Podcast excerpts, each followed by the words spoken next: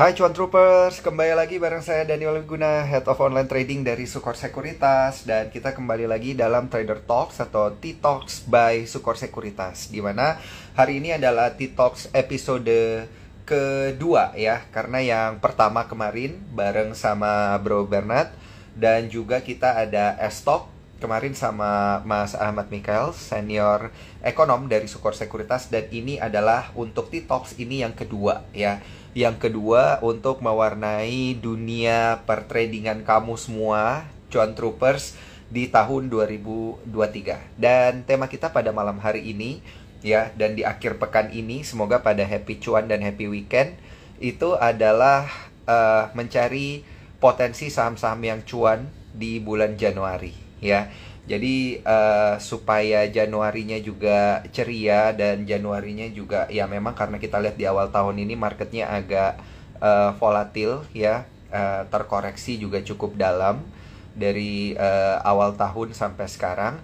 Tapi moga-moga kamu bisa tetap menemukan saham-saham yang bisa memberikan kamu cuan di awal tahun ini ya Uh, soalnya kan sebentar lagi di Januari ini bakal ada apa sih itu namanya ya Imlek ya tahun baru Imlek momentum tahun baru Imlek. Jadi ya tentunya mungkin ini bisa dijadikan satu sentimen yang menarik. Nah ini ada cuan troopers kita. Saya mau sapa para cuan troopers kita. Ada yang udah memberikan komentar Rufi underscore Pris. Bian bahas dong. Oke nanti akan kita bahas langsung dengan narasumber spesial kita pada malam hari ini. Ada Ko Alex Raharjo, seorang professional trader dan juga co-founder dari rintisan.id. FYI, teman-teman cuan troopers sekalian ya, rintisan.id ini adalah uh, komunitas pertama ya yang bekerja sama dengan Sukor Sekuritas pada waktu itu. Jadi kita merasa terhormat banget nih ya bisa ngobrol sama Ko Alex Raharjo. Saya langsung Oke. Nanti boleh langsung di approve ya, Ko Alex. Dan untuk kamu semua yang belum mendaftar menjadi cuan troopers, jangan lupa ya mendaftar melalui eform.sukorsekuritas.com. Halo malam, Ko Alex. Halo. Halo Dan. Malam-malam. sehat, Ko Alex. Sehat-sehat. Halo. Suara saya jelas? ya? Masih, masih, masih. Udah, jelas. Masih ini kan?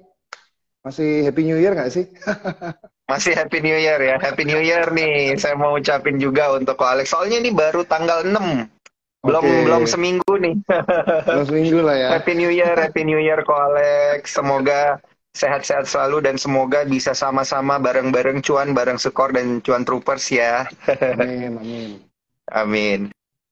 Dan untuk para cuan troopers yang ingin bertanya, jangan lupa uh, pertanyaannya di drop di kolom question and answer karena ini pasti yang memberikan komen banyak nih. Biasanya kalau ko Alex yang IG live ini yang nanya-nanya yang kasih komentar banyak karena Amin. terakhir kali kita IG live ini saya ingat banget kejadian yang kita bahas batu bara ya kok waktu itu. Yes. Dan kejadian yes. besokannya kejadian yeah. gitu. Jadi pertanyaannya jangan lupa dimasukin di kolom question and answer dan sekali lagi saya ingatkan untuk Instagram live kita pada malam hari ini akan memberikan kamu hadiah ya, hadiah berupa hadiah bingkisan tahun baru. Kalau kamu screenshot Instagram live kita pada malam hari ini, tag ke Sukor Sekuritas, tag ke Instagramnya Alexander Raharjo, tag ke Instagramnya saya, dan juga kalau mau ditambahin tag juga ke rintisan.id ya, ada empat kurang lebih. Jadi supaya makin rame untuk mendapatkan paket tahun baru dari Sukor berupa dua bungkus kopi ya uh, hasil kerjasama kita dengan Java Bika Coffee ya ini bagus banget buat yang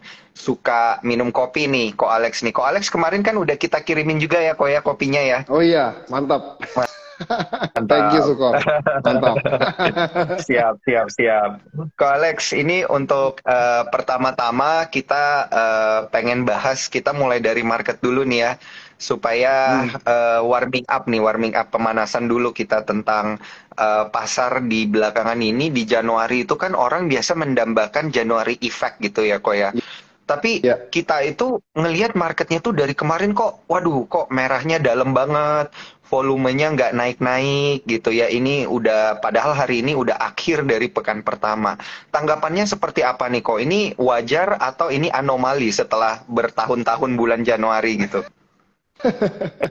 Jadi uh, ini pendapat pribadi ya, bisa aja salah teman-teman ya. Jadi Uh, sebagai informasi, saya sendiri untuk uh, terjun di pasar modal atau di saham itu sejak tahun 2015 berarti ya bisa dibilang masih newbie lah ya, masih tujuh tahun lah ya.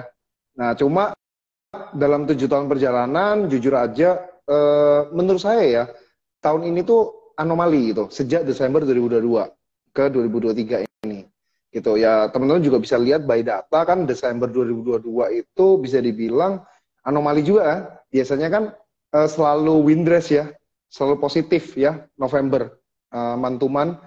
Tapi baru kali ini 2022 itu uh, nggak bagus gitu kan performanya meskipun year to date ya sih oke-oke aja gitu. Jadi ya kalau ditanya kayak misalnya anomali nggak sih ya menurut aku sih uh, anomali gitu kan di pengalamanku yang. Yang masih tujuh tahun inilah di market gitu kan buat aku nih satu hal yang baru juga jadi ini ya bisa jadi belajar hmm. juga sih gitu secara hmm. indeksnya okay, ya okay. kita bicara secara indeksnya ya gitu oke okay.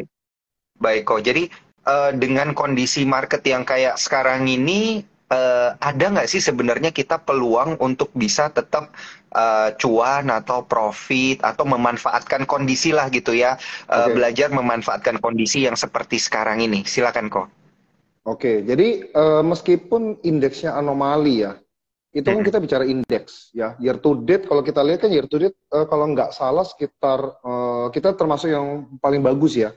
Itu eh, empat uh, persen ya kalau nggak salah ya kemarin tutupnya ya ya dan ya kalau ya, tutupnya empat persen persen di enam ribu delapan ratusan uh, benar empat persen tapi kalau kita bicara per sahamnya atau sektor tertentu itu teman-teman bisa gainnya tuh jauh lebih bagus loh terutama hmm. kalau buat teman-teman yang nonton IG Live Sukor di awal tahun gitu kan itu saya kan hmm. udah pernah bilang banking sama coal untuk 2022.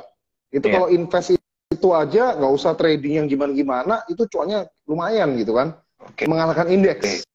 Gitu. Itu kalau kita bicara uh, sektornya gitu kan. Dan kebetulan sektor energi memang paling cuan di tahun lalu.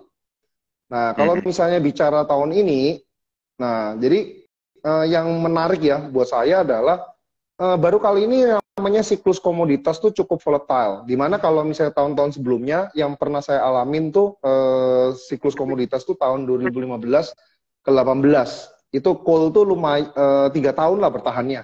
Baru 2015 tuh peak terus baru drop. Nah kalau di sini uh, isunya sih uh, lumayan kenceng nih agak volatile gitu. Wah katanya nanti coal akan uh, turun lagi dan sebagainya. Kalau menurut saya sih ya udah kelihatan gitu kan agak melandai gitu ya uh, kita bisa lihat leading indikatornya coal itu adalah uh, gas gitu kan.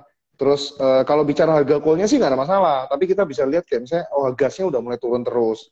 Kan substitusinya coal itu kan gas gitu kan, saling ber, uh, saling substitusi. Terus uh, oilnya juga udah mulai turun gitu kan. Terus kemudian uh, katanya sih pasokan batu baranya suplainya juga udah mulai tinggi Terus uh, belum lagi nanti ini China buka kerannya impor dari Australia kan? Okay. Wacananya kan seperti okay. itu kan.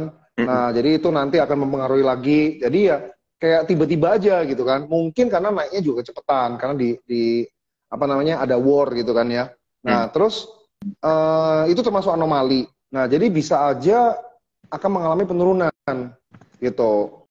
Nah, kalau misalnya Eh, komoditas-komoditas yang menjadi sumber daya ini uh, turun, jadi pasti akan ada uh, sektor lain yang bisa dibilang diuntungkan gitu loh. Yang ibaratnya mereka itu bisnisnya uh, tergantung sama sektor energi ini gitu. Oke. Okay. Nah contoh nih ya contoh kayak misalnya oh uh, semen itu butuhnya batu bara. Meskipun memang kayak misalnya beberapa emiten semen itu Eh, dapat batu baranya udah DMO gitu kan, udah ada patokan harganya. Tapi kan nggak semuanya, ada beberapa yang kayak mungkin setengahnya dan lain sebagainya. Nah itu akan, menurut aku akan sangat diuntungkan sektornya itu, mm-hmm. kayak gitu. Mm. Okay, Jadi okay. Uh, salah okay, satunya okay. semen gitu ya sektornya kalau kita bicara sektor semen gitu. Dan memang kita bisa lihat year to date contoh kalau aku ini boleh sebutin emiten nggak sih? Dan boleh boleh. Lupa, boleh banget kok. Ya. Nah contoh kayak misalnya. Justru itu yang ditunggu-tunggu. contoh kayak SMGR lah. SMGR hari ini udah lima persen gitu sehari doang. Gitu. Okay, oh, aku okay, di, di grup okay. juga udah ngomong gitu kan, oh SMGR nih menarik dari awal uh, dari 2 Januari itu udah aku kasih tahu, jadi udah untungnya udah lumayan gitu kan. Itu salah satu contohnya kayak gitu. Terus uh, kalau aku pribadi, aku juga akan lihat beberapa uh, emiten nih ya yang menurut aku terkoreksi cukup dalam gitu. Hmm. di efek November Desember. November Desember itu kan lumayan ya efeknya ya. Kayaknya kayak wah turun terus gitu kan sampai Desember pun juga turun terus. Tapi ada beberapa saham uh, itu yang kayak terkoreksinya juga lumayan dahsyat gitu. Contoh kayak misalnya ya. uh, tapi udah lumayan rebound ya Aces. Waktu itu kan sampai 398 gitu kan wah itu gila banget gitu nah menurut aku itu juga menarik tapi uh, kalau sekarang lihat lagi ya karena kan udah cepet ya baliknya cepet banget gitu ya. tapi ada ya. satu lagi yang menurut aku juga menarik uh, di mana yang cukup nggak masuk akal nih ya. Yang aku lihat itu adalah JSMR, Jasa Marga. Jalan tol nih, ibaratnya jalan tol itu kan lebih rame ya dari 2020 yang ibaratnya kita banyak PSBB, betul. PPKM, betul, sekarang betul. udah dilepas gitu kan. Nah, terus orang pada liburan semua kemarin. Harusnya kan trafficnya makin bagus. Terus satu lagi katalisnya mereka kan juga uh, jual beberapa konsesi kan, which is dapat hmm. cash. Tapi kemarin sahamnya dijual terus nih. Nah berarti kan ada sesuatu nih gitu kan nggak tahu nih siapa yang keluar saya juga nggak tahu gitu kan siapa yang jual terus kita juga nggak tahu tapi harusnya eh, kalau kita bicara fundamentalnya nih harusnya ini bagus gitu kan laporan keuangannya itu akan bagus gitu future-nya jadi mm -hmm. ya itu lumayan lah dan eh, aku lihat kan udah lumayan agak naik gitu kan dari yeah. 2.900 sudah ke 3.000 dan tapi masih masih bisa lah gitu masih ada potensi lah kayak gitu terus mm. kalau bicara yang lain ya menurut aku untuk tahun ini selain yang tadi tadi itu eh, kayak banking itu masih oke okay, gitu sama kayak tahun okay. lalu karena uh, dia diuntungkan sama suku bunga memang mungkin suku bunga akan kenaikannya nggak sekencang tahun lalu ya kayaknya. Dia akan naiknya mungkin agak lebih landai tapi kayaknya masih akan naik. Menurut aku ya dan yeah. itu yang untung adalah banking masihnya nah nanti oh. tinggal teman-teman cari banking mana yang terkoreksinya uh, cukup dalam ya. Sektornya ini kita bicara sektornya dulu uh, ya kalau top down analisis uh, sektornya dulu nih uh, bankingnya. Terus kita lihat aja nih yang masih waduh di bottom banget nah itu mungkin kalau misalnya buat teman-teman yang mau swing agak panjang ya itu bisa mulai cicil sekarang. Kayak gitu. Hmm. karena kemarin kayak kemarin ya ISG kan minus dua persenan ya dua persen lebih. Itu kan semuanya drop ya. Hampir hmm. 500 lebih saham itu turun gitu kan. Nah itu kan berarti kan kayak nggak pandang bulu. Kayak iya, tiba-tiba betul. cabut aja tuh duit gitu kan. Cabut aja sell sell off lah kasarannya kan. Nah hmm. berarti kan itu kesempatan kita ibaratnya yang jual nih nggak pandang bulu nih nah buat kita nih yang calon investornya pembelinya nah kita bisa milih gitu kan yang barang terdiskon yang mana yang benar-benar real diskon. Bukan yang dibuang karena memang emitennya jelek gitu loh tapi memang benar-benar real diskon. Nah itu kita bisa mulai masuk. Biasanya reboundnya lebih cepat. Gitu Oh, oke oke oke. Wah, iya iya menarik banget. Tapi saya setuju banget dengan uh, yang barusan kok Alex bilang ini yang jualan tuh nggak pandang bulu ya benar di awal Januari ini nggak pandang bulu. Kelihatan ada banget. Santa Claus Rally, ada Januari Effect, pokoknya jual udah jual aja jual ya, aja gitu. Jual aja. iya iya iya iya benar-benar. Kalau yang aku baca ya Dan ya, uh, uh, dan kita juga uh. bisa lihat ya by data kan uh, kayaknya net sell asing gitu kan. Nah jadi kan seolah-olah itu ada bukan seolah-olah ya kayak ya duitnya keluar dari Indonesia gitu kan, keluar keluar dari indeks kita. Nah kalau yang aku baca-baca sih memang eh, karena berhubungan dengan eh, China itu udah opening ya kan, terus eh, tech di China juga lagi eh, ada pelonggaran eh, apa kebijakan dari pemerintah. Terus ada yang bilang kayak misalnya oh eh, karena China lagi pemulihan atau Hong Kong lagi oke okay, gitu ya, duitnya itu lari ke sana dulu tapi kalau misalnya itu benar, harusnya itu temporary. Mm -hmm. kayak gitu kan. Karena mm -hmm. kan nanti Indonesia terdiskon ya mereka akan masuk lagi sebagian ke sini. Yeah. Kayak gitu. Iya, yeah, setuju, setuju, setuju. Jadi ini masalah momentum aja ya.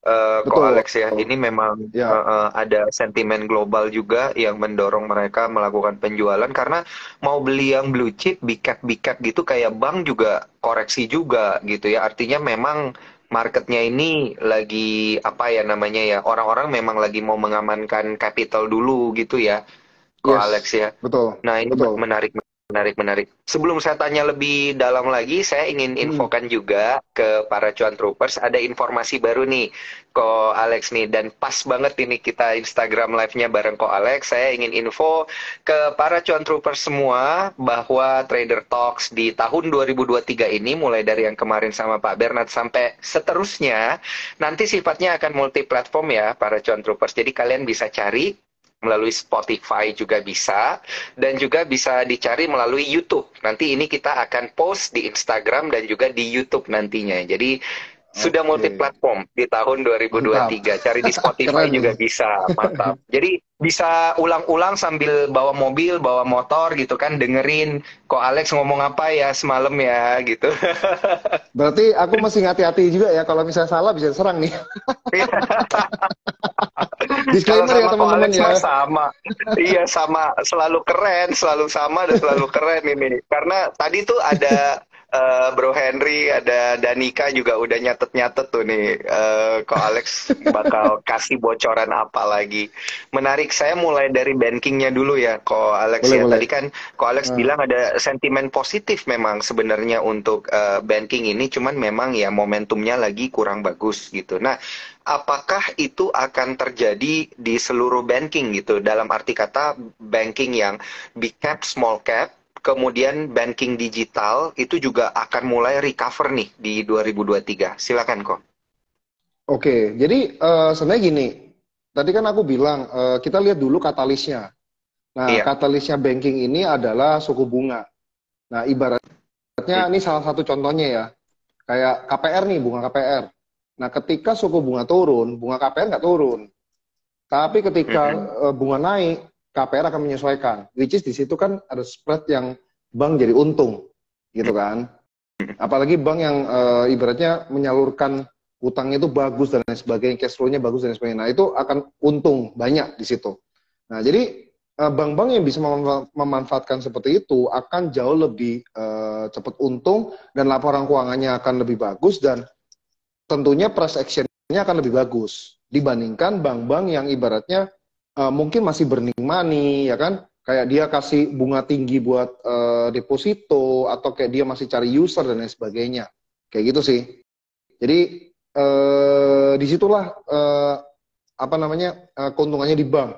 Ibaratnya kalau kayak apa namanya angkot bensin naik, tarifnya naik, bensin turun, tarif nggak turun gitu kan. Eh, bunga bank juga gitu untuk kredit gitu kan. Kalau aku lihat seperti itu, terutama kayak KPR gitu kan. Yang aku tahu ya nggak nggak turun gitu kan ketika ibaratnya eh, suku bunganya turun. Iya. Dan ada potensi suku bunganya juga akan tetap penyes- penyesuaian nih. Kayaknya pasti akan tetap naik gitu. Karena Fed-nya sendiri juga bilang eh, nggak akan berhenti. Tapi mungkin tidak seagresif tahun lalu. Karena kalau agresif terus juga bahaya gitu kan. Mhm. Nah, Jadi nggak akan agresif, tapi aku rasa tetap akan naik. Nah itu akan menguntungkan bank, terutama bank-bank yang bisa dibilang konvensional ya. Itu yang pasti lebih untung pertama. Tapi tidak menutup, kemungkinan bank-bank digital yang bisa eh, cepat nih ya, adaptif terhadap itu, terus jumlah user base-nya juga banyak dan dia bisa eh, apa ya kayak menggunakannya itu dengan baik, ya dia bisa cepat eh, turn around gitu dan itu akan menarik Oh, gitu loh. Oke. Jadi kalau kalau kita bicara digital itu kan pasti akan berhubungan dengan eh, apa namanya kerugian gitu kan, bakar duit. Ya kan rugi dulu nih, ya. Karena kan bisnis baru.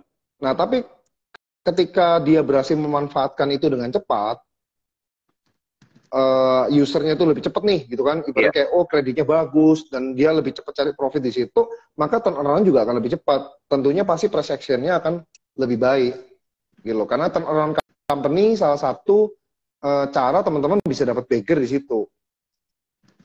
Dari Hmm, rugi jadi oke, untung oke. gitu loh. Iya. Kayak gitu. Iya, iya, iya, iya, iya. Oke, berarti eh, selain dilihat potensinya, nanti juga harus di cross check dengan laporan keuangannya di akhir kuartal gitu ya. Bener nggak Iya. si bank ini bisa memanfaatkan momentum itu gitu ya? Betul. Cuma kalau mau aman ya udah oke, bank oke. konvensional. Itu udah pasti paling aman. Mm-mm. Gitu kan. Cuma kita tinggal lihat Oh, aja nih iya, penyaluran betul, betul, kredit. betul. Nah, kita tapi yang harus ini eh, jadi notes buat teman-teman kali ya. Jadi penyaluran kreditnya dia ke mana?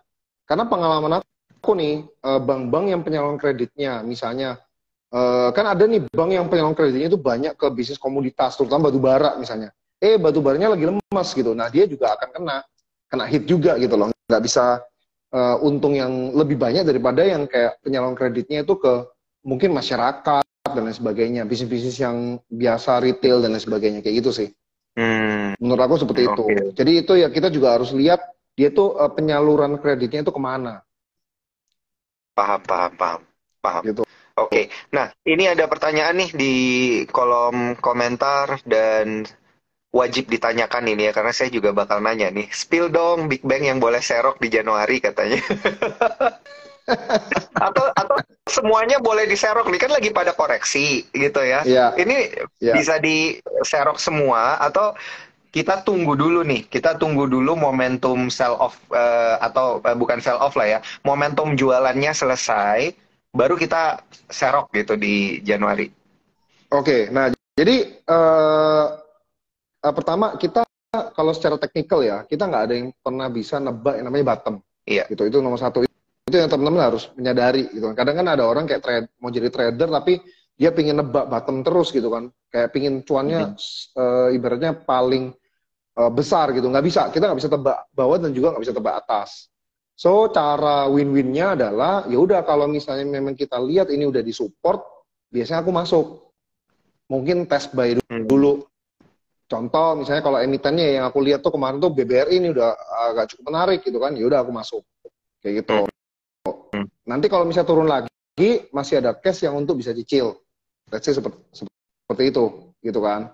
Nah okay. terus uh, kalau bicara emitennya ya yang menarik itu hmm, BBTN tuh menarik karena dia baru selesai mm -hmm. reissue ya. Dan dia kan kayak harganya ketahan gitu loh lama banget. Yang lain udah rally dia ketahan. Menurut aku tuh menarik gitu. Kalau teman-teman mau nunggu itu menarik gitu. Kemarin bris itu juga menarik sangat menarik gitu. Even aku masih pegang dan aku ikut reissue-nya karena aku tahu ini menarik banget cuma sayangnya aku harusnya langsung top up lagi ya karena dia turun terus gitu. Itu menarik banget dia sampai mendekati harga reissue gitu kan. Itu menarik banget. Ibaratnya kayak bank syariah nomor satu di Indonesia tapi turun terus gitu tuh menarik banget gitu. Hmm. tapi kemarin ya nah kita lihat lagi nanti. Terus karena syariah uh, maksudnya bisnisnya bagus gitu. Iya. Kemudian ya, hmm, selain itu ya Bang BRI ya menurut aku ya. Karena dia juga ada action di mana dia uh, gabung sama pegadaian. Itu ada potensi hmm. akan naikin NIM-nya dia. Ya kan? Iya, Karena kan jumlah iya. uh, marketnya juga makin besar, uh, nasabahnya makin besar. Nah, itu akan uh, potensial lah. Kayak gitu. Hmm, oke, oke, oke. Kalau yang bank-bank digital gimana nih kok untuk di Januari ya? Ini kita batasin dulu nih konteksnya untuk di ya. Januari. Uh, perlukah kita melirik bank-bank digital kayak Arto, BBYB, mungkin uh, eh, BBHI gitu ya yang okay. dari dari tahun 2022 kemarin itu uh, volatilitasnya tinggi. Ya, oke. Okay. Nah, jadi bank digital balik lagi yang seperti tadi aku jelasin. Jadi kita harus uh, bank digital ini ibaratnya gini loh uh, kita harus benar-benar cari yang memang uh, dia ini apa ya kayak fokus sama bisnisnya gitu. Memang mau maju. Nah kita harus cek nih. Yeah. Di mana uh, kita uh, kalau nggak salah tuh mereka pasti akan ada uh, public expose kan. Nah kita cek aja hmm. di situ satu-satu. Terus satu dari sisi jumlah user. Kalau user aktifnya makin user aktif ya, bukan user download. Kalau aku sih nggak akan lihat user download karena download dan download aja udah nggak pakai. Yeah. Tapi kalau user aktif dia nasabah aktif dong, gitu kan. Misalnya dia bisa Uh, di prospek untuk kredit. ya maksudnya ya. nah, ya. Iya, bisa di prospek untuk kredit dan lain sebagainya. Terutama untuk kredit yeah. dong. Oh dia aktif hmm. lending dan lain sebagainya. Nah itu akan prospektif. Itu akan hmm. bagus. Nah kita tinggal lihat kayak market cap-nya sekarang berapa. Kayak gitu. Okay. Nah itu oh. uh, PR-nya teman-teman dicek salah satu. Cuma kalau memang nggak siap untuk volatilitasnya, ya saya menyarankan untuk yang lebih ke arah yang fundamental tadi. Hmm. Eh sorry, uh, big uh, big capsnya tadi ya, yang bank-bank besar. Kayak gitu. Karena itu lebih pasti, tapi ya balik lagi yang yang pasti cuannya biasanya lebih, lebih kecil daripada yang nggak pasti. Tapi ya lebih nyaman lah. Kayak gitu. Hmm. Oh, oke oke oke.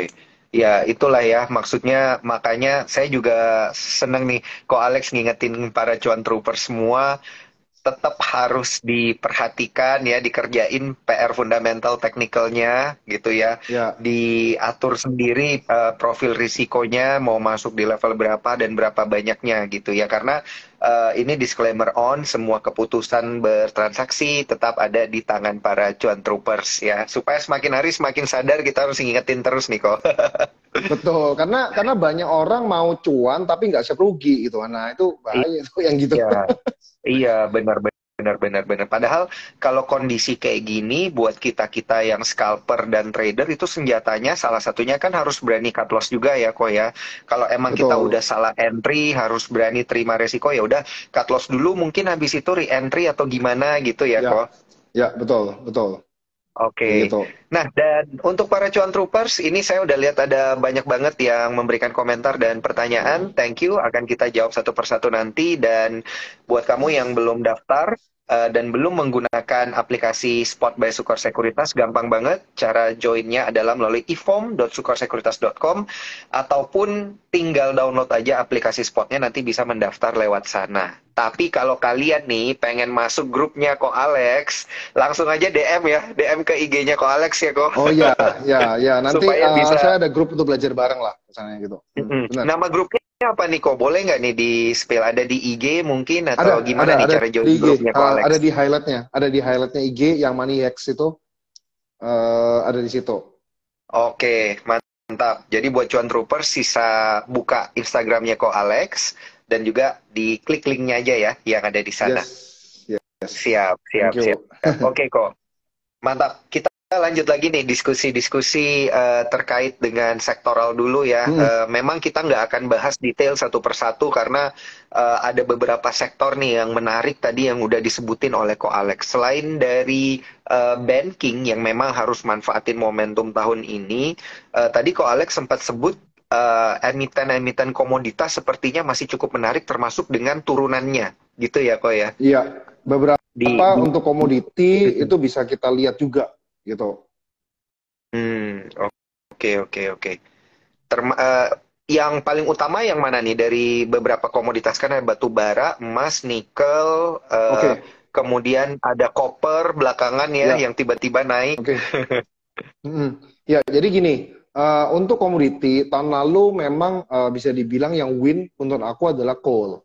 Nah, cuma balik lagi ya, kita harus lihat indikator-indikatornya. Tadi kan aku udah bilang leading indicatornya salah satunya adalah gas. Nah, ketika gas sudah hmm. turun, biasanya sih coal akan mengikuti. Karena kan gas sama coal itu uh, substitusi lah fungsinya dia. Jadi beberapa industri itu kalau lihat kayak gasnya terlalu mahal, dia akan pakai coal. Tapi kalau coalnya kemahalan, dia akan balik ke gas.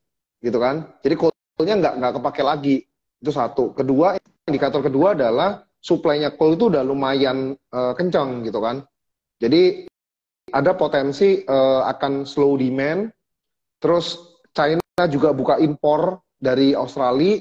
Nah, tapi dari berita itu ada dua sisi nih yang kita bisa lihat. Ketika China buka impor, mungkin buat coal jelek. Itu berita buruk. Makanya coal hmm. langsung ARB semua tuh waktu itu kan. Betul. Tapi di, di satu sisi sebenarnya eh, perusahaan-perusahaan yang ekspor ke China itu bagus karena China mulai reopen beneran gitu loh, serius gitu kan. Dia mau ngejot itunya dia, makanya dia butuh coal lebih banyak. Nah, yang bagus apa? Yang bagus adalah uh, metals, nikel, copper. Tadi kan udah disebutin sama uh, Sidan ya. Hmm. Jadi nikel, ya, uh, copper itu akan bagus gitu loh. Jadi uh, dan smelter nikel juga akan diuntungkan dengan harga coal yang lebih murah. Tapi hmm. ada beberapa yang udah DMO juga sih sama kayak semen gitu. Nah jadi uh, yang kayak gitu-gitu akan lebih bagus nih. Ya contoh kalau kayak misalnya kayak MDKA, makanya lu mulai rebound kan MDKA-nya gitu kan. Nah, karena dia uh, bermainnya di situ. Nickel, copper, gold itu juga akan oke okay. karena gold ini aku lihat dari 2022 udah agak sideways ya. Okay. Jadi harusnya okay. dia akan uh, lebih baik gitu kan di tahun ini. Nah, yang punya-punya hmm. itu kayak Antam, MDKA kan? Inco kelihatan kan? Inco yang nikel murni itu langsung naik gitu kan? Kencang banget. Iya iya iya iya. Betul. Ya karena karena itu betul, ada demandnya untuk uh, di China itu kan kayak gitu kan. Nah jadi uh, komoditinya yang bisa dilirik itulah teman-teman. Memang agak cepet Hmm, banget. oke. ya kayak call tuh dulu tiga tahun nih siklikalnya ini kayak setahun doang. Tapi ya belum tentu ya disclaimer juga ya teman-teman. Belum tentu loh. Bisa aja kayak bisa bertahan gitu. Cuma kita lihat yang lagi terdiskon lah gitu kan. Menurut aku metal tadi itu terdiskon jadi bisa kita manfaatin peluang. Kayak Inco tuh udah lumayan naik kan, eh, MDKA kayak gitu gitu. Hmm, oke. Itu untuk komoditi. Oke, oke. Yang aku lihat itu ya untuk komoditi. Oke, oke. Eh, berarti eh, primadonanya ini eh, di tahun 2023 nggak cuman batu bara gitu ya, berarti ya untuk komoditi ya, Ko Alex? Eh, batu bara so far eh, menurut aku hindari dulu ya sementara Oh. waktu kita Justru karena itu dihindari. tadi ya karena itu tadi aku bilang kan ada slow demand dan lain sebagainya tadi. Iya, iya, Mungkin iya, kita iya, lebih fokus fokus yang lebih terdiskon. Iya. Di mana nikel Oke. ya kan, copper, emas gold. gitu ya. Ya, karena kalau kalau kayak nikel sendiri itu ya kelihatan eh, supply-nya itu udah mulai dikit, tapi demand-nya udah mulai Iya. naik. Nah, itu kan Oh. pa- pasti akan harga akan oke gitu loh. Iya, iya, iya. Iya, betul, betul, betul. Saya juga ngelihat itu harga emas acuan global mulai perlahan-lahan ya. Emang pelan, tapi dia nanjak, nanjak, nanjak. Ya. Ya, Untuk, dan eh, ND untuk NDK kan emas. juga emas, Eh, Antam juga ada emas. Iya, iya, iya. betul, betul. Saya saya kemarin sempat lihat BRMS ya, sempat naik double digit ya. Berarti emang Ya, bener nih yang eh, Ko Alex bilang nih ya, eh, batu bara mungkin demand-nya lagi slow, jadi orang akan melihat ke yang lain dulu gitu ya. Nah, Ya. kemudian untuk komoditi lainnya nih, kok kayak eh, minyak dan juga CPO gitu. Belakangan ini kan kok kayaknya kemarin eh, minyak harganya sempat turun Hmm. gitu, Kemo- CPO juga kayaknya masih sideways gitu-gitu aja. Hmm. Ini view-nya untuk emiten-emiten yang terkait komoditi itu gimana kok? Oke, jujur kalau untuk CPO ya, aku udah nggak Iya. lihat, bisa dibilang setahun ke belakang udah nggak lihat emitennya. Tapi Hmm. kalau dibilang punya, punya. Tapi aku belinya tahun 2020. Jadi dua, Oh, masih dua tahun ke belakang ini aku udah sekarang kok. masih di hold karena aku beli LSIP di harga Ah. 600. Ya udah aku hold aja Wah. deh. Gitu. Waktu Mantap itu karena terdiskon banget.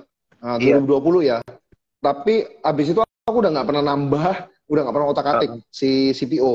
Uh-uh. Karena aku lihat eh, susahnya itu kayak ada regulasi pemerintahnya lah. Ada Hmm. campur tangan kan kemarin kan. Jadi itu kayaknya agak Hmm. pemberat. Untuk CPO itu ya, view aku ya. Terus kalau eh, untuk apa namanya? eh, tadi sorry dan satunya lagi oil ya. Oil, iya. Ya, untuk oil, eh, kit, menurut aku juga akan eh, kayak normal lagi, jadi akan turun. Cuma kalau emitennya kita ada beberapa emiten, contoh kayak AKR gitu ya, Akra, itu dia nggak nggak nggak terlalu kayak lihat itunya, kayak misalnya eh, harga oilnya ya. Kadang dia juga bisa untung dari kayak efisiensinya dia gitu loh. Itu sama juga sama kayak coal sih. Kadang ada beberapa orang kayak bilang, oh ya coal turun, sahamnya juga pasti turun belum tentu. Kalau misalnya dia Ah. memang bagus ya efisiensi ininya, terus dia mulai diversifikasi ke yang kayak misalnya nikel gitu ya, atau kayak- contoh kayak Harum deh, dia ada coal sama nikel gitu kan, dia mulai diversifikasi kan, dan nikelnya udah mulai untung gitu kan, nah itu bisa naikin market cap-nya juga, which is market harga sahamnya juga bisa naik gitu loh. Jadi tidak menutup kemungkinan kayak oilnya turun, si emiten oilnya pasti turun belum tentu. Contoh kayak Hmm. Medco deh, gitu loh. Itu dia kan udah diversifikasi, terus kayak memang dia eh, asetnya tambah besar dan lain sebagainya. Kayak gitu sih, kalau aku lihat. Cuma aku sendiri kalau untuk komoditi lebih milih yang tadi itu dan eh, si nikel tadi itu. Karena aku lihat Nikel, eh, lumayan terdiskon ya, dia lumayan terdiskon. Jadi aku lihat tuh kayak semua bagus lah katakanlah gitu ya. Tapi lebih kayak aku cari yang lebih diskon supaya kita untungnya juga lebih lebih besar. Gitu. Ah, Oke, oke, oke, oke, oke, mantap. Ini eh, jawaban Ko Alex ini dari tadi udah menjawab beberapa pertanyaan yang udah ada di kolom question and answer nih. Thank you. Ko Alex udah ada dua atau tiga yang view-nya eh, pertanyaan terkait view-nya itu udah dijawab sama Ko Alex. Dan kalau mau eh, jawaban detailnya, jangan lupa untuk eh, bergabung ke grupnya Ko Alex ya. Bisa langsung join lewat Instagramnya Ko Alex. Nanti ada link di sana atau di DM langsung juga bisa gitu ya dibantu dan jangan lupa transaksinya pakai aplikasi Spot by Sukor Sekuritas daftarnya via eform.sukorsekuritas.com mantap nah Ko Mantap. Alex uh, tadi dari banking kita ke komoditi dan sektor turunan daripada komoditi nih misalnya hmm. kan uh, yang saya tahu turunannya itu adalah emiten perkapalan gitu ya. Tapi uh, untuk emiten perkapalan yang sudah existing itu kok kayaknya begitu-begitu aja gitu. Nah, ini apakah di 2023 akan ada gimana ya dorongan gitu ya untuk uh, price actionnya harganya itu uh, lebih menarik dari tahun sebelumnya? Oke, jadi uh, kita mesti lihat uh, bisnis perkapalannya ini dia ngangkut apa gitu kan komoditinya. Hmm. Paling di situ sih. Jadi okay. uh, kita mesti lihat itu dulu dan jujur aku juga belum kayak meneliti semuanya gitu. Okay. Belum belum kayak ngecekin satu-satu gitu loh. Hmm. Kayak kemarin tuh uh, aku lupa ya nama nama uh, kode sahamnya apa, tapi yang berhubungan dengan oil tuh naik semua kan kemarin oh. ya sempat ya. Karena memang terdiskon gitu. Oke okay, oke okay, oke. Okay. Berarti sekarang tergantung, mungkin jadi uh, uh, Iya, tergantung berarti kapalnya ini ngangkutnya komoditi yang mana gitu ya. iya, kalau aku bilang iya. Kalau misalnya dia memang banyak di nikelnya, itu akan good sih. Oke. Okay. Gitu, karena demandnya lagi. Jadi kalau itu balik lagi ke supply demandnya, kita lihat uh, stoknya itu loh. Stoknya itu gimana gitu. Kalau stoknya turun ya, udah itu bagus gitu. Which is menurut aku yang belum terlalu gimana itu nikel gitu.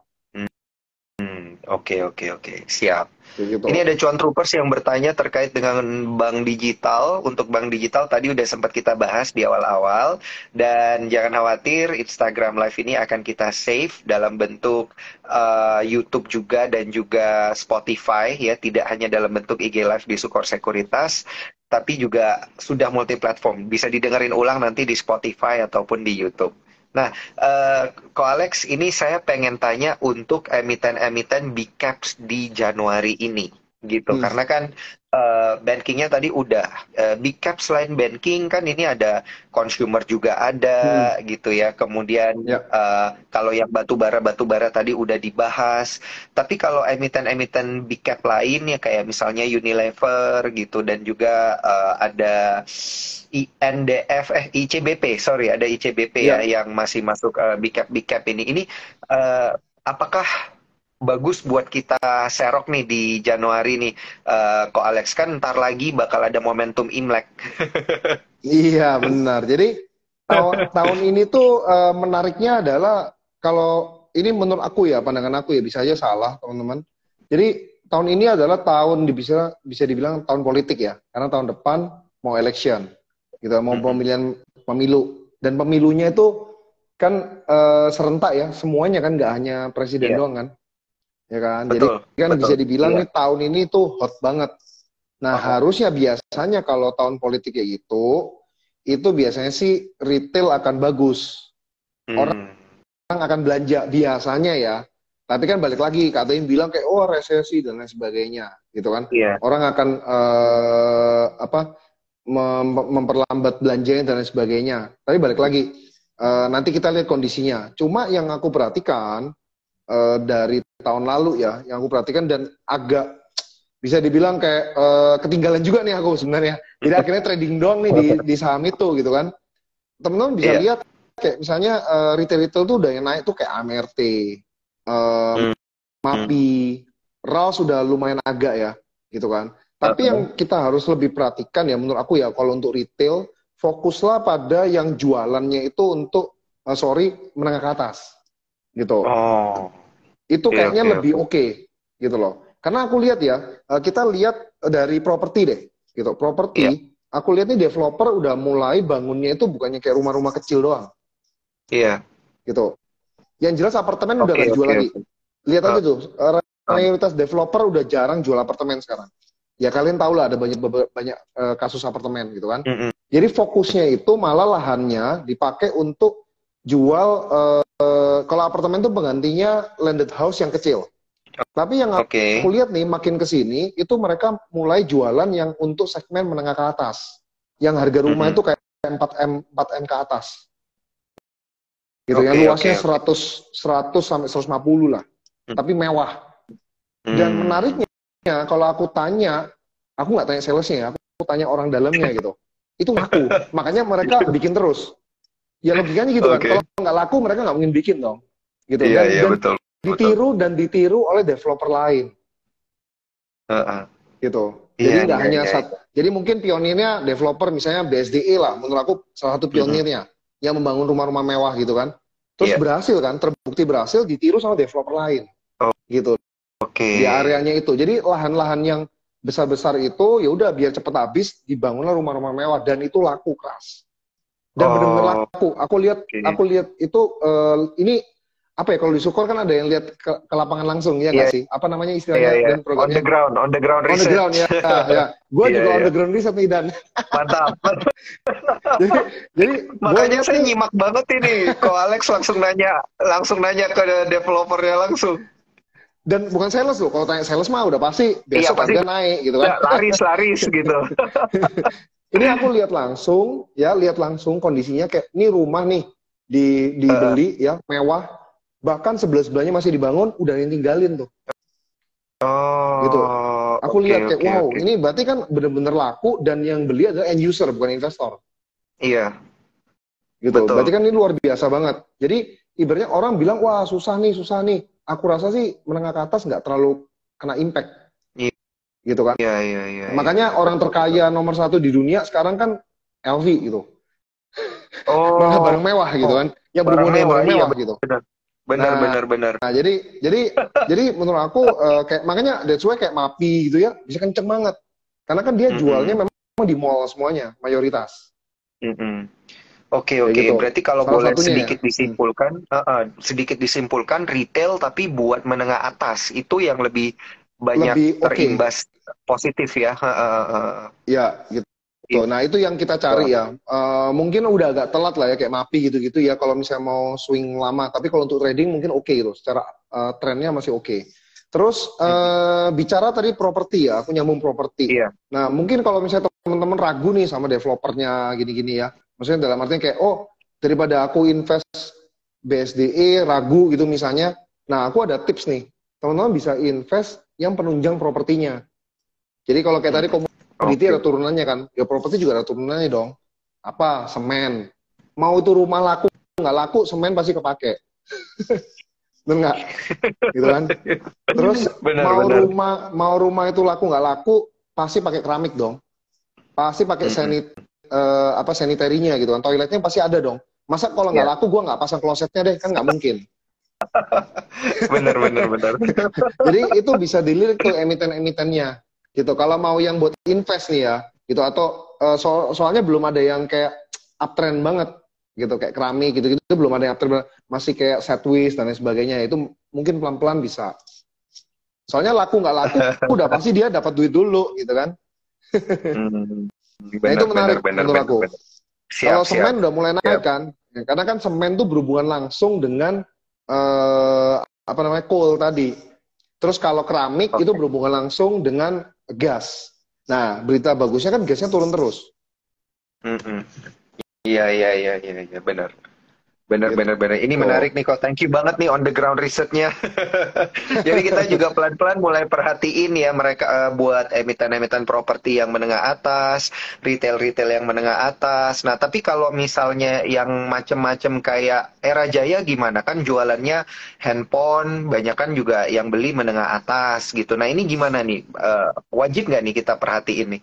Oke, Era Jaya, eh, jujur aku belum pernah lihat lagi ya, Hen, eh, eh sorry, Iya. Hen, apa namanya dan untuk ininya ya, Iya. apa namanya, eh, dia sampai di level mana nih sekarang? Cuma kalau kita bicara eh, bisnisnya sih menarik. Satu, dia kan di mall, ya kan. Terus Mm-mm. yang kedua yang buat aku tertarik adalah dia udah mulai diversifikasi ke bisnis Hmm, baik, eh, baik. food, food and beverage, ya kan. Dan eh, si apa namanya eh, Paris Bucketnya itu rame banget. Mm-mm. Itu cek aja di mall-mall tuh rame itu. Iya iya iya iya iya iya benar Selalu benar rame benar. di mall mana pun rame udah. Dan dia buka di mall mana pun gitu kan. Nah, jadi bisa Hmm. dibilang menarik lah. Gitu. Nanti kita lihat lagi. Ini yang paling rame Iya. nih Handy iya, nih. iya. Jadi gue salah Handy, ngomong nih. iya. Daniel gue panggil Handy nih. Iya iya jadi gagal fokus nih gara-gara Handy gagal nih katanya. nih. Udah banyak Kacau nih. udah banyak yang cuan di Mapi soalnya kok jadi pada gagal fokus semua. Oh gitu ya. thank you thank you buat ko thank you buat ko Alex nih katanya nih Bandar Mapi katanya. Bercanda ya kok ya. Enggak lah, aku juga telat Oke, kok oke. gitu. Jadi aku trading aja lah di sana. Aku juga telat kok. Siap, siap, siap, siap. Oke, oke. Eh, Ko Hendy, ini kan eh, kita kita masih banyak waktu untuk bertanya-tanya, ya. Jadi jadi banyak cuan cuan troopers juga yang eh, bertanya terkait dengan eh, retail tadi kita sudah jawab dan ini ada satu pertanyaan yang menarik terkait dengan sektor telekomunikasi karena kita tahu sektor telekomunikasi kan ada Telkom ya yang masih jadi big cap juga ya. Kok Alex Ya. ya. Eh, ini di Januari ini bagus nggak sih untuk kita serok pelan-pelan? Oke, kalau telekomunikasi eh, sama ya kayaknya jawabanku dari beberapa tahun lalu juga sama. Aku lebih suka dari sisi towernya. Kalau saya Mm-mm. ya dari sisi towernya gitu kan. Kayak TWE, Tebik ya. Kalau yang aku lihat lagi terdiskon tuh Tebik ya. Balik lagi kalau Tebik kenapa terdiskon? Itu alasannya kalau menurut aku itu alasannya karena dia eh, banyak utang US dollar. US dollar lagi jelek ya, lagi naik. Hmm. Kalau misalnya nanti US dollar kembali normal, dia akan oke. Ya kan? Dia akan bagus lah, Oh. menarik gitu. Terus itu eh, tower ya, tower oke. Terus kalau sisi telekomunikasi langsung nih kayak Telkom, Isat, ya kan, Friend gitu ya. Hmm. Nah, yang menarik eh, Telkom oke, cuma dia agak terganggu sama investmentnya dia di Goto ya kali ya. Aku Iya. nggak tahu tuh seberapa pengaruhnya harusnya dari sisi laporan keuangan ya. Kalau dari sisi market eh, apa price action kayaknya ngaruh banget gitu kesannya gitu kan. Tapi kalau Mhm. yang menarik juga mungkin bisa teman-teman bisa lihat Friend karena aku lihat eh, mulai turn around Hmm. gitu. Mulai Oke, turn oke, around oke, gitu. oke. Jadi menarik gitu kan. Jadi dari perusahaan rugi jadi untung Oke, oke. Ada kayak gitu. eh, friend ya justru ya. Ya, ya, salah satunya yang menarik ya, Uh-huh. gitu. Telkom, ya bisa lihat. Cuma karena gini, eh, balik lagi ya, telco itu kenapa aku nggak invest langsung di telkonya Iya. banyak-banyak? Karena balik lagi karena ini apa namanya? Aduh, persaingan harga ininya lah, paket data lah, diskon dan lain sebagainya gitu loh. Mhm. Kayak terlalu banyak saingan. Hmm. Dan mereka kan lagi ke 5G nih. Makanya kan Iya. mereka eh, kayak XL, XL akuisisi Link. Itu kan supaya 5G-nya itu oke gitu kan. Jadi ada broadband, ada eh, ada internet kabel di rumah gitu kan. Itu kan memang eh, 5G kan seperti itu. Hmm. Gitu kan. Nah, tapi harusnya yang sangat diuntungkan sama 5G adalah ya balik lagi kayak TOWR gitu-gitu. Karena mereka Oh. dia udah udah siap tuh gitu, fix line-nya udah siap, BTS-nya udah siap juga gitu loh. Harusnya Mhm. mereka akan lebih diuntungkan menurut aku. Iya. Lebih stabil lah ya, lebih stabil. Iya. Lebih stabil, nggak Karena lebih volatile. persaingan per- persaingan apa pun yang terjadi dari eh, sektor telekomunikasinya langsung, towernya udah pasti disewa gitu ya. Yes, Makanya dia nah, lebih stabil gitu. gitu ya, Ko Alex ya. Iya, iya. Jadi bandarnya pasti untung, oh enggak ya? Ya. Mau lu perang harga, gue lebih, gue pasti untung gitu kan? Ya, mungkin ada bandar telekomunikasi yang bergabung di sini. Punten. Oke, oke. Ko Alex, eh, saya pengen tanya juga nih terkait dengan emiten otomotif kan ada Astra Internasional ya. Walaupun juga Hmm. dia sama-sama eh, sedikit tersangkut GoTo sama kayak Telkom gitu ya, Iya. tapi kan katanya porsinya lebih kecil. Nah, untuk potensi Hmm. di 2023 mulai dari Januari ini seperti apa nih, Ko Alex? Oke, kalau kita bicara otomotif, misalnya nih teman-teman mau, oh otomotif gitu ya. Mm-mm. Eh, terus kita lihat, eh, oh otomotif oke gitu. Mending autonya daripada AC-nya. Karena AC kan holding sebenarnya. Iya. Gitu. Jadi Astra, eh, AC itu turun, eh, kalau menurut aku ya, nggak harus karena si Gotonya. Bisa aja karena UNTR-nya. Karena kalau si yang Hmm. aku lihat nih eh, porsi dia nih itu kebanyakan di UNTR sebenarnya. Porsi yang efeknya dia loh kayak selama ini untung tuh di UNTR. Karena Iya, kebetulan iya, aku iya. eh, kontribusi ngikutin UNTR banget, ya. hmm, aku ngikutin banget ROPS-nya kan. Kontribusinya Hmm. Astra Holdings ini kebanyakan di UNTR sebenarnya. Kalau UNTR-nya oke ya dia oke gitu loh. Gitu. Oh, Otomotif dia udah agak agak lumayan apa ya kayak eh, banyak bersaing gitu loh. Nah, jadi Hmm. mending di parts-nya aja gitu, di autonya. Hmm, oke oke. Astra Gitu. Auto Parts ya berarti ya, auto. Iya, mendingan Oke. di situnya kan. Jadi kalau misalnya penjualan mobilnya bagus, ya autonya otomatis spare parts-nya juga bagus. Uh, Hmm. auto, DRMA, kayak gitu. DRMA gue Hmm. masih hold tuh, pakai Sukor gue IPO. Mantap. Masih hold gitu kan. Santai aja Siap, gitu. siap, siap, siap. Siap. Wah, ini ada dari ada Olive Lewis nih ngefans banget sama Ko Alex Wah, sama itu, ya. itu, itu bandarnya DRMA tuh, Olive Oh, iya. tuh. Ya. Punten, bandarnya punten.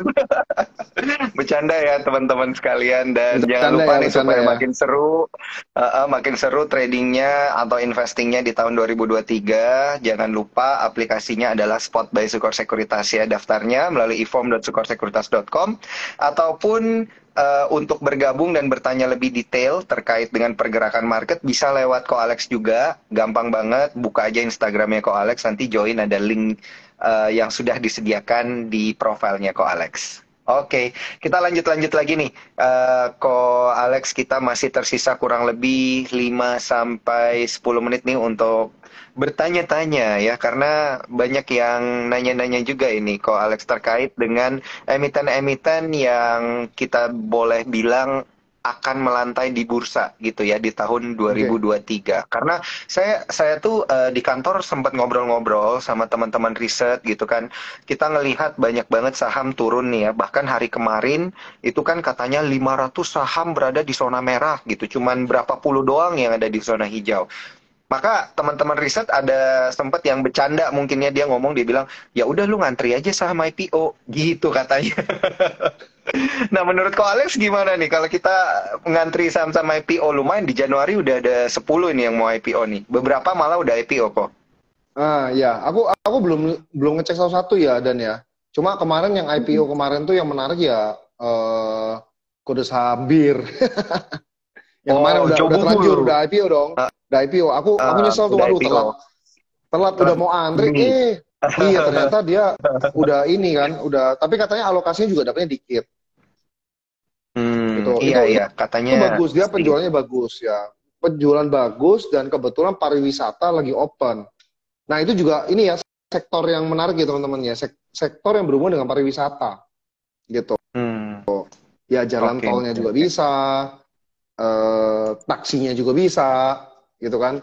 Birnya juga bisa buat teman-teman yang eh, mau invest di situ ya. Tapi mungkin ya kayak wah, enggak syariah nih, ya udah, kita cari yang lain. Jalan tol kan syariah gitu.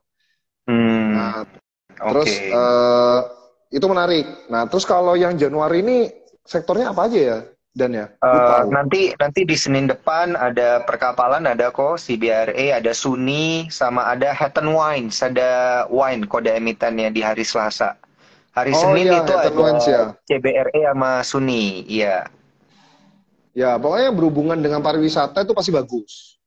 Itu satu Mm-mm. ya. Kayak bir tadi, wines tuh harusnya juga oke ya. Karena berhubungan dengan pariwisata kan.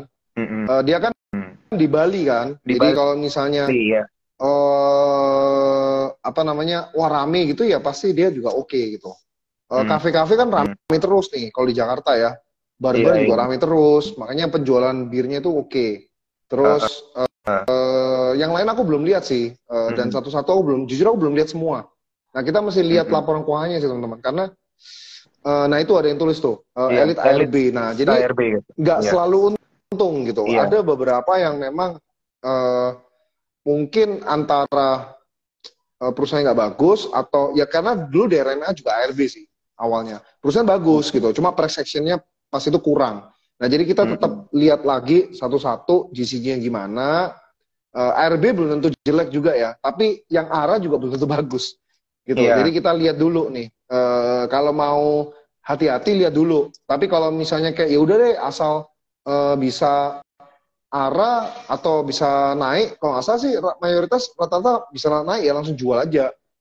Aku Mm-mm. lihat kan kayak elit ada. gitu sempat naik nggak sih tadi? Sempat naik ya? Mm-mm. sempat naik turun habis itu turun naik sebentar doang ya Iya. Iya ya, tapi setuju banget ya, setuju banget sama pendapatnya Ko Alex. Mungkin juga karena ramai di market gitu ya. Jadi memang sih eh, di sini eh, para cuan troopers itu diuji seberapa rajin ngerjain PR-nya ya. Karena kan Hmm. harusnya bisa baca prospektus dulu gitu ya, waktu book Betul. building, waktu pooling Setuju. sebelum beli.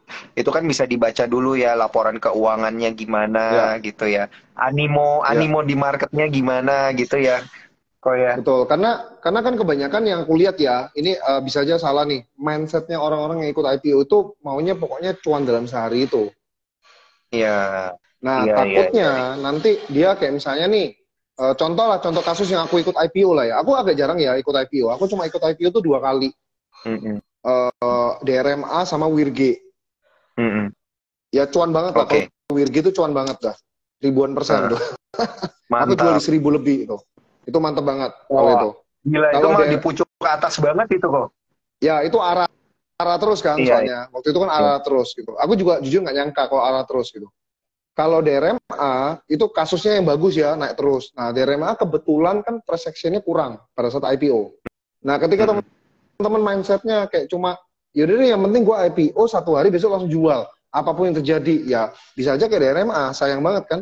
Dia kan ARB cuma Iya. sementara doang terus langsung naik gitu, langsung bagus. Bahkan tembus 800 waktu itu kan. Iya iya. Iya iya. iya. Nah, Betul. karena aku udah pelajarin prospektusnya, aku udah pelajarin GCG-nya, dan prospek perusahaan ke depan, waktu ARB aku langsung tambah lagi Hmm. waktu Oke. itu. Itu karena aku tahu nih perusahaan bagus dan waduh kok kebetulan aja ARB gitu. Mungkin waktu itu eh, yang nggak tahu ya eh, ARB kan banyak eh, ininya apa namanya eh, eh, reasonnya ya kenapa ARB gitu pada saat itu. Hmm, Iya. Betul, betul, betul, betul, Gitu. Pak Alex. Setuju, setuju, setuju. Nah, ini eh, sayang sekali nih kita hanya tersisa waktu gila nggak berasa ngobrol sama Ko Alex sudah mau sejam. Oh iya ya. kita hanya eh, eh, kita hanya tersisa waktu tiga menit kok Alex saya di tiga menit terakhir ini saya ingin minta tips dan trik singkat dari Ko Alex ini sebagai co-founder dari rintisan.id yang sudah lama melanglang buana di market di domestik kita boleh Belum dong lah. dikasih tips kasih tips dong kok buat kita kita nih di bulan Januari ya supaya kita bisa tetap eh, ya mungkin kalau ada koreksi atau nyangkut kita bisa tetap tenang, tetap cuan, tetap belajar gitu, tetap memanfaatkan momentum gitu. Silakan kok.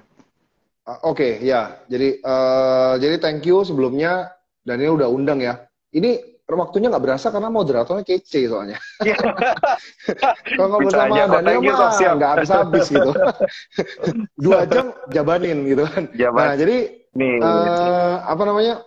Kalau aku sendiri kan backgroundnya kebetulan di financial advisor gitu, financial planning ya. Jadi fokusnya memang lebih ke financial planning. Kita atur portofolio kita bukan secuan mungkin, tapi ya seaman mungkin dalam kondisi apa pun gitu. Jadi, jadi eh, so tipsnya adalah kalau buat aku ya untuk tahun ini strategiku adalah aku bagi dua antara si saham sama obligasi kalau aku pribadi ya. Gitu. Jadi kayak bisa reksadana. Ya reksadana sukor juga bagus-bagus gitu stable fund dan lain sebagainya. Nah jadi itu yang aku atur. Kenapa? Karena aku lihat obligasi terkoreksi cukup parah di tahun lalu. Iya. balik lagi karena yield lah suku bunga dan lain sebagainya. Tapi eh, udah mulai agak stabil dan kayaknya udah cukup menarik. Dan nanti kan juga pemerintah akan eh, apa namanya banyak keluarin ya.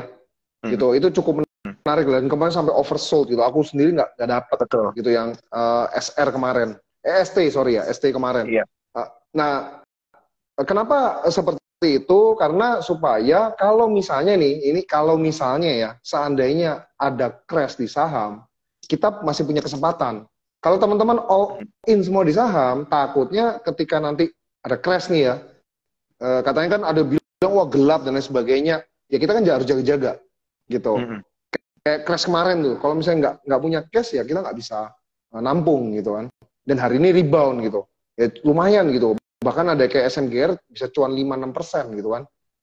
Nah jadi, Mm-mm. jadi kita Oh, bisa oke. manfaatin itu. Uh, jadi jangan semuanya di all in. Menurut aku terutama di tahun ini karena udah banyak uh, ibaratnya gini loh. Uh, mungkin kita yakin optimis bahwa uh, dan kita harus optimis juga bahwa ini sebenarnya uh, kita akan oke tahun ini dan menurut aku juga akan oke karena balik lagi ya Amin. harusnya retail bagus Terus aku lihat juga eh, penjualan rumah juga bagus, malah yang mewah-mewah bagus.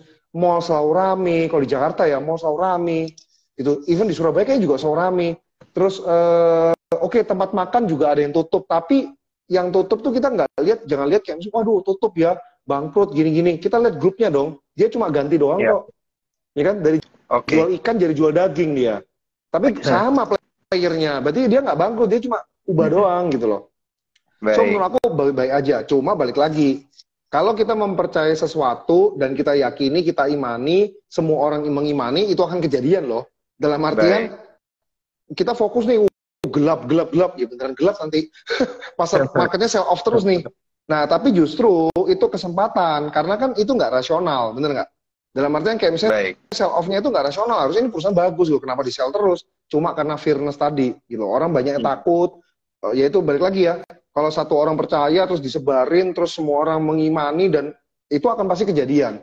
Justru kita Baik. yang kayak uh, berpikir jernih itu jadi chance-nya kita. Nah kalau yang kayak gitu-gitu ya kita harus uh, ambil dari cash-nya kita dong. Hmm. Baik, gitu. baik. Baru kita mantap. masukin saham lagi gitu. Itu itu itu strategi ya untuk uh, saham ya yang bisa aku share. Baik. Lebih gitulah. Amannya seperti itu. Jadi jangan mantap. all in lah. Mantap, mantap. Ko Alex. Selalu luar biasa, thank you banget Ko Alex atas waktunya malam hari ini.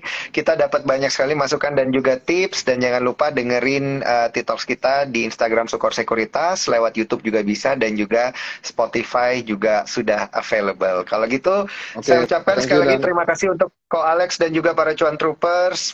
Sampai ketemu lagi di TikTok selanjutnya. Ko Alex, saya Daniel Wiguna okay. pamit undur diri. Bye bye. Ya, yeah, thank you, thank you teman-teman, thank you.